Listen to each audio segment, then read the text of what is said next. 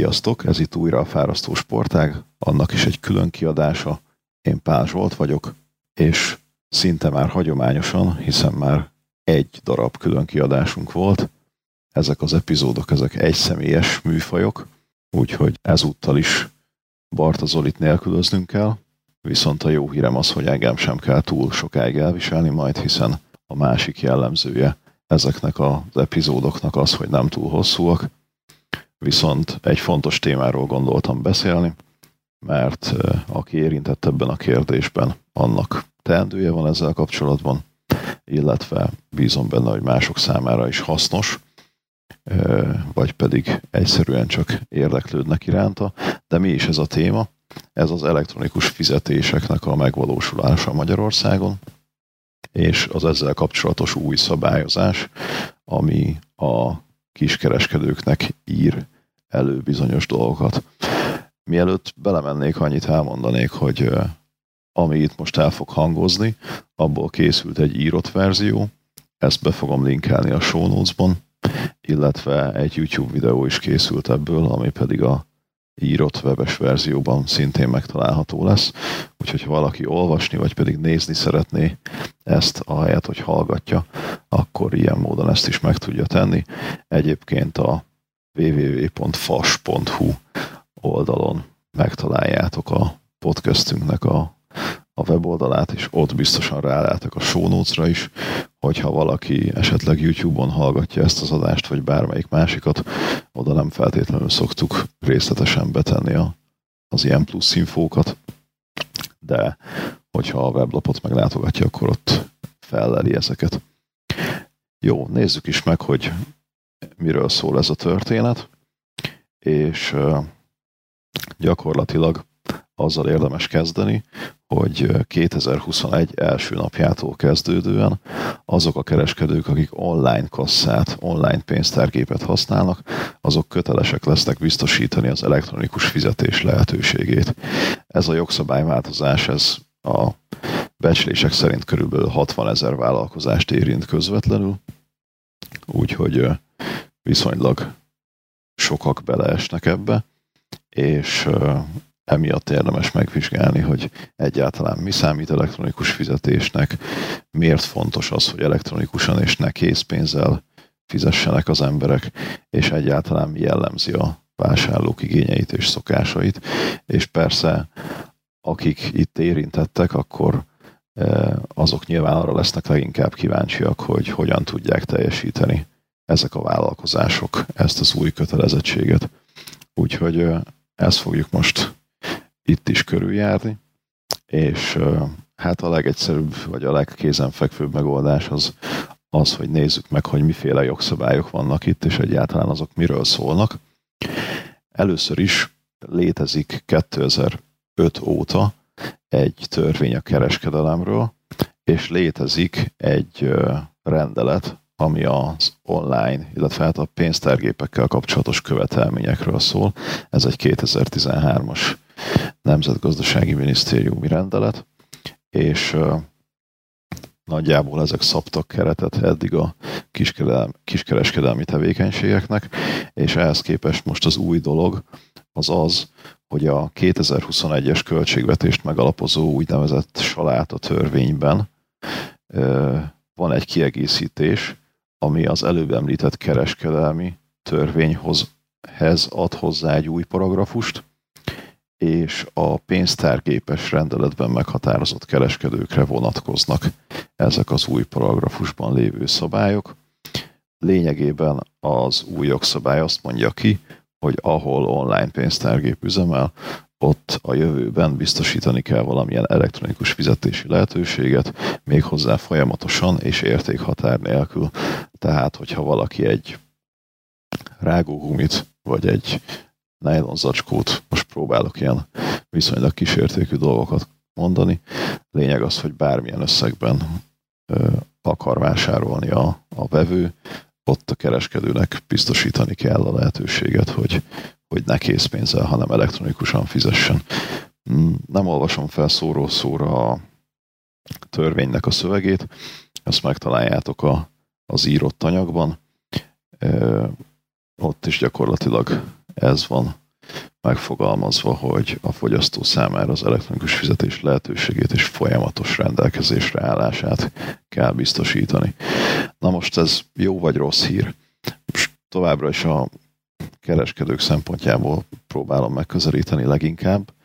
Ö, első hallásra nyilván sokan úgy állnak hozzá, hogy ez rossz hír, hiszen ez egy kötelezettség, nem örülünk neki, pedig igazából, hogyha jobban megvizsgáljuk a kérdést, akkor azt fogjuk látni, hogy akár kimondottan nagy előrelépést is jelenthet ezeknek a vállalkozásoknak.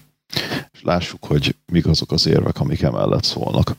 Sajnos továbbra is itt a vírus helyzet közepén vagyunk, és már itt a tavasz folyamán a koronavírus első hullám során is történtek olyan intézkedések, amelyek a készpénz használatot próbálták csökkenteni, de alapvetően a fogyasztók szempontjából is felértékelődtek a, az elektronikus fizetési lehetőségek. Itt fogok erről beszélni, hogy mi az, ami elektronikusnak számít, de alapvetően abban megegyezhetünk, hogy az esetek nagy többségében, legalábbis a múltban, itt biztosan a bankkártyára kellett gondolni, és valószínűleg nagy részben a jövőben is. Tehát itt akár bankkártyás fizetést is mondhatnék ebben az esetben, amikor azt mondom, hogy a koronavírus járvány kapcsán a fogyasztók szívesebben fizettek bankkártyával, és ez a statisztikákban is megmutatkozott. Nyilván a értékesítésekben komoly visszaesések is voltak. Itt az online pénztárgépek adataiból készültek is különböző elemzések.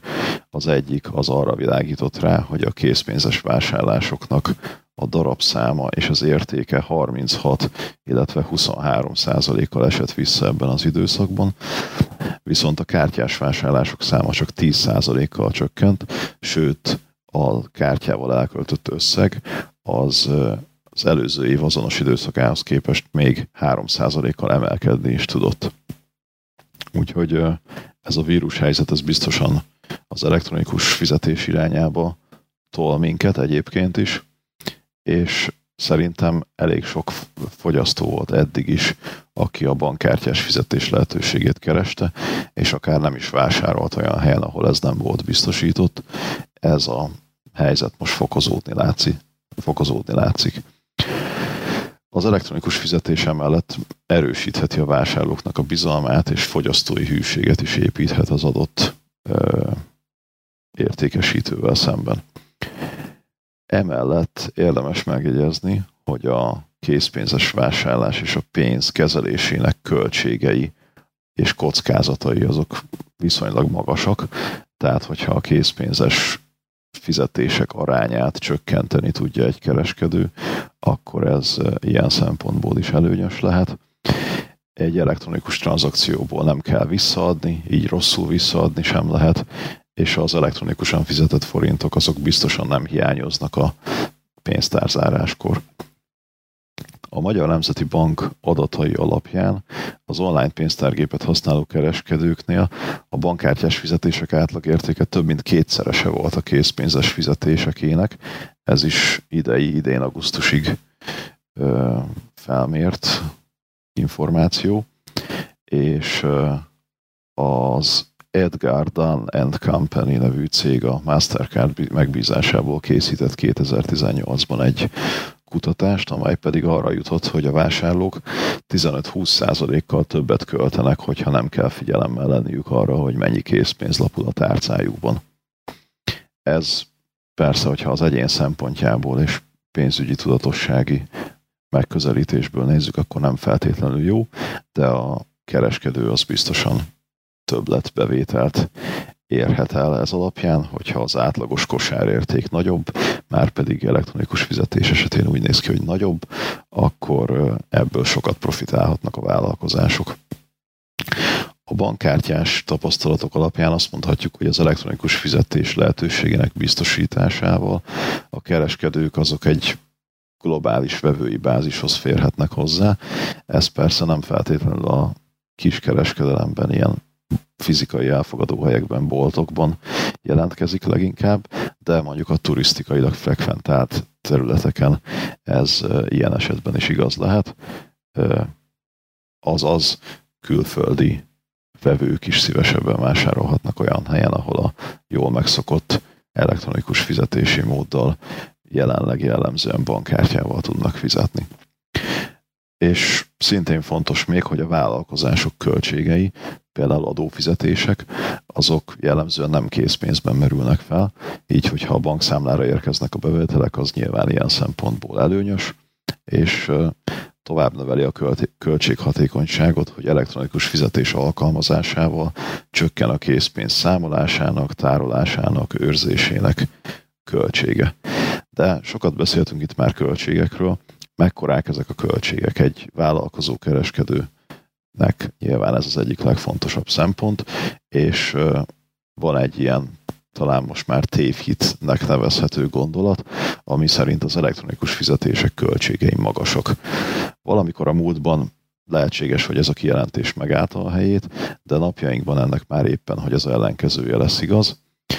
Szintén az MNB adatai alapján az a kereskedő, ahol naponta átlagosan 10-12 ezer forint értékben történik bankkártyás fizetés, ez átlagosan összesen másfél százalékos díjat fizet, ráadásul, hogyha nagyobb a forgalom, akkor még ennél is alacsonyabb díjak tartoznak hozzá, és ezen a piacon igen komoly verseny van, ami a díjak további csökkenését vetíti előre a, technik, a technológia fejlődésének köszönhetően pedig az elektronikus fizetéshez már drága készüléket sem szükséges beszerezni, akár egy mobiltelefon is várhat, válhat kártya elfogadóvá.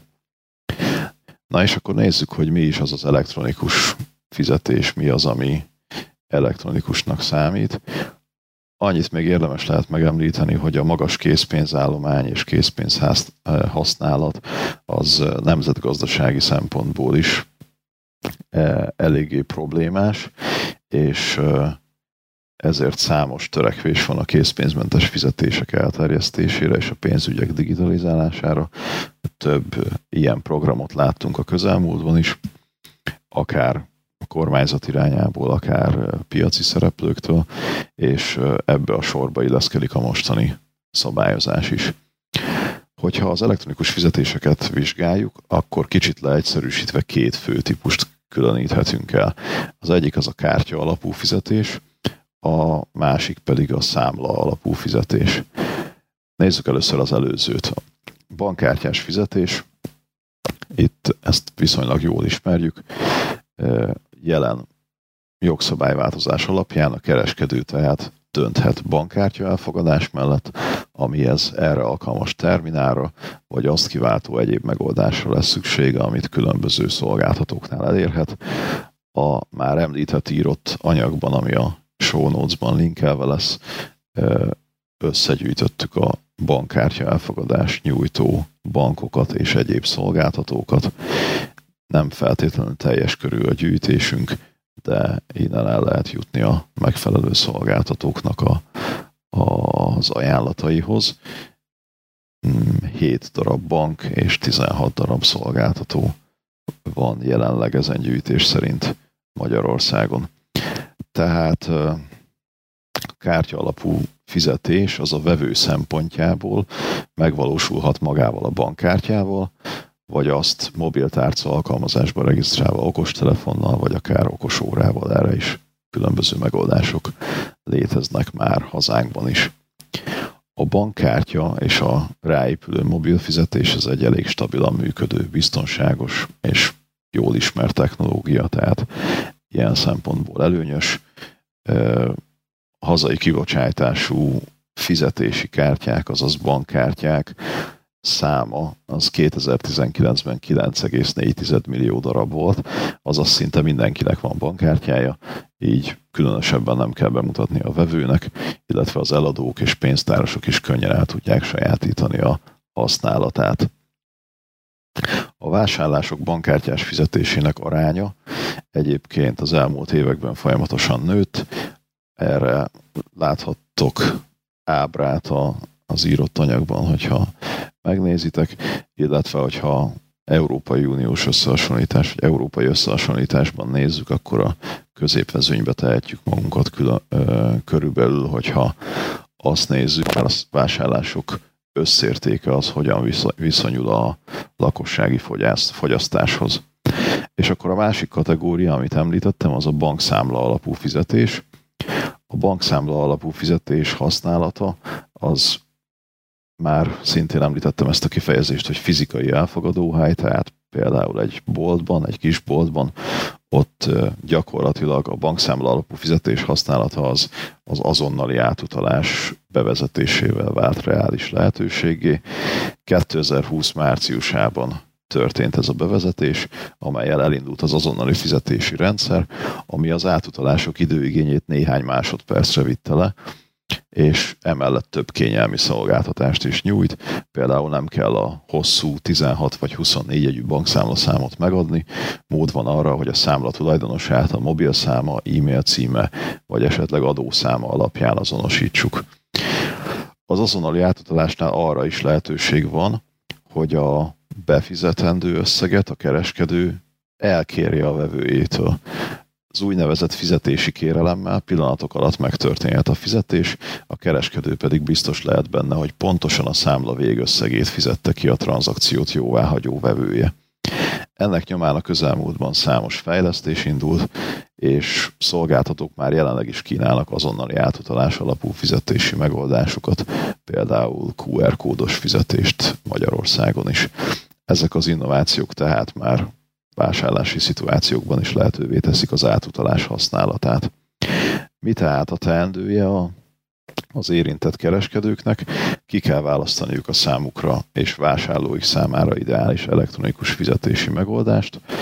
Szükség esetén választani kell egy szolgáltatót, amelyik biztosítani tudja a kívánt fizetési rendszer működtetését, és a segítségével üzembe helyezni azt.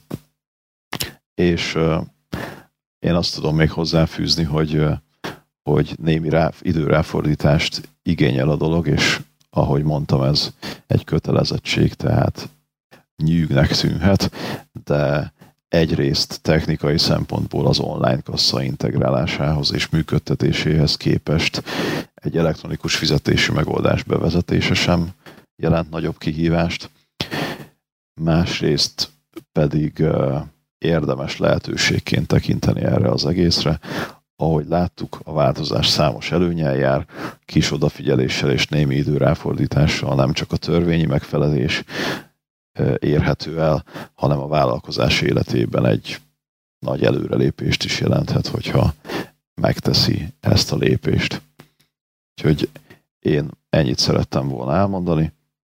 Nézzétek meg esetleg a ö, csatolt írott anyagban, ott egy-két plusz link is van, ahonnan tovább tudtok menni még más irányokba, akár a törvény szövegét is érdemes lehet elolvasni, és gyakorlatilag ebben a kis különkiadásban ennyit akartam elmondani. Reméltem, remélem, hogy szolgáltam hasznos információkkal.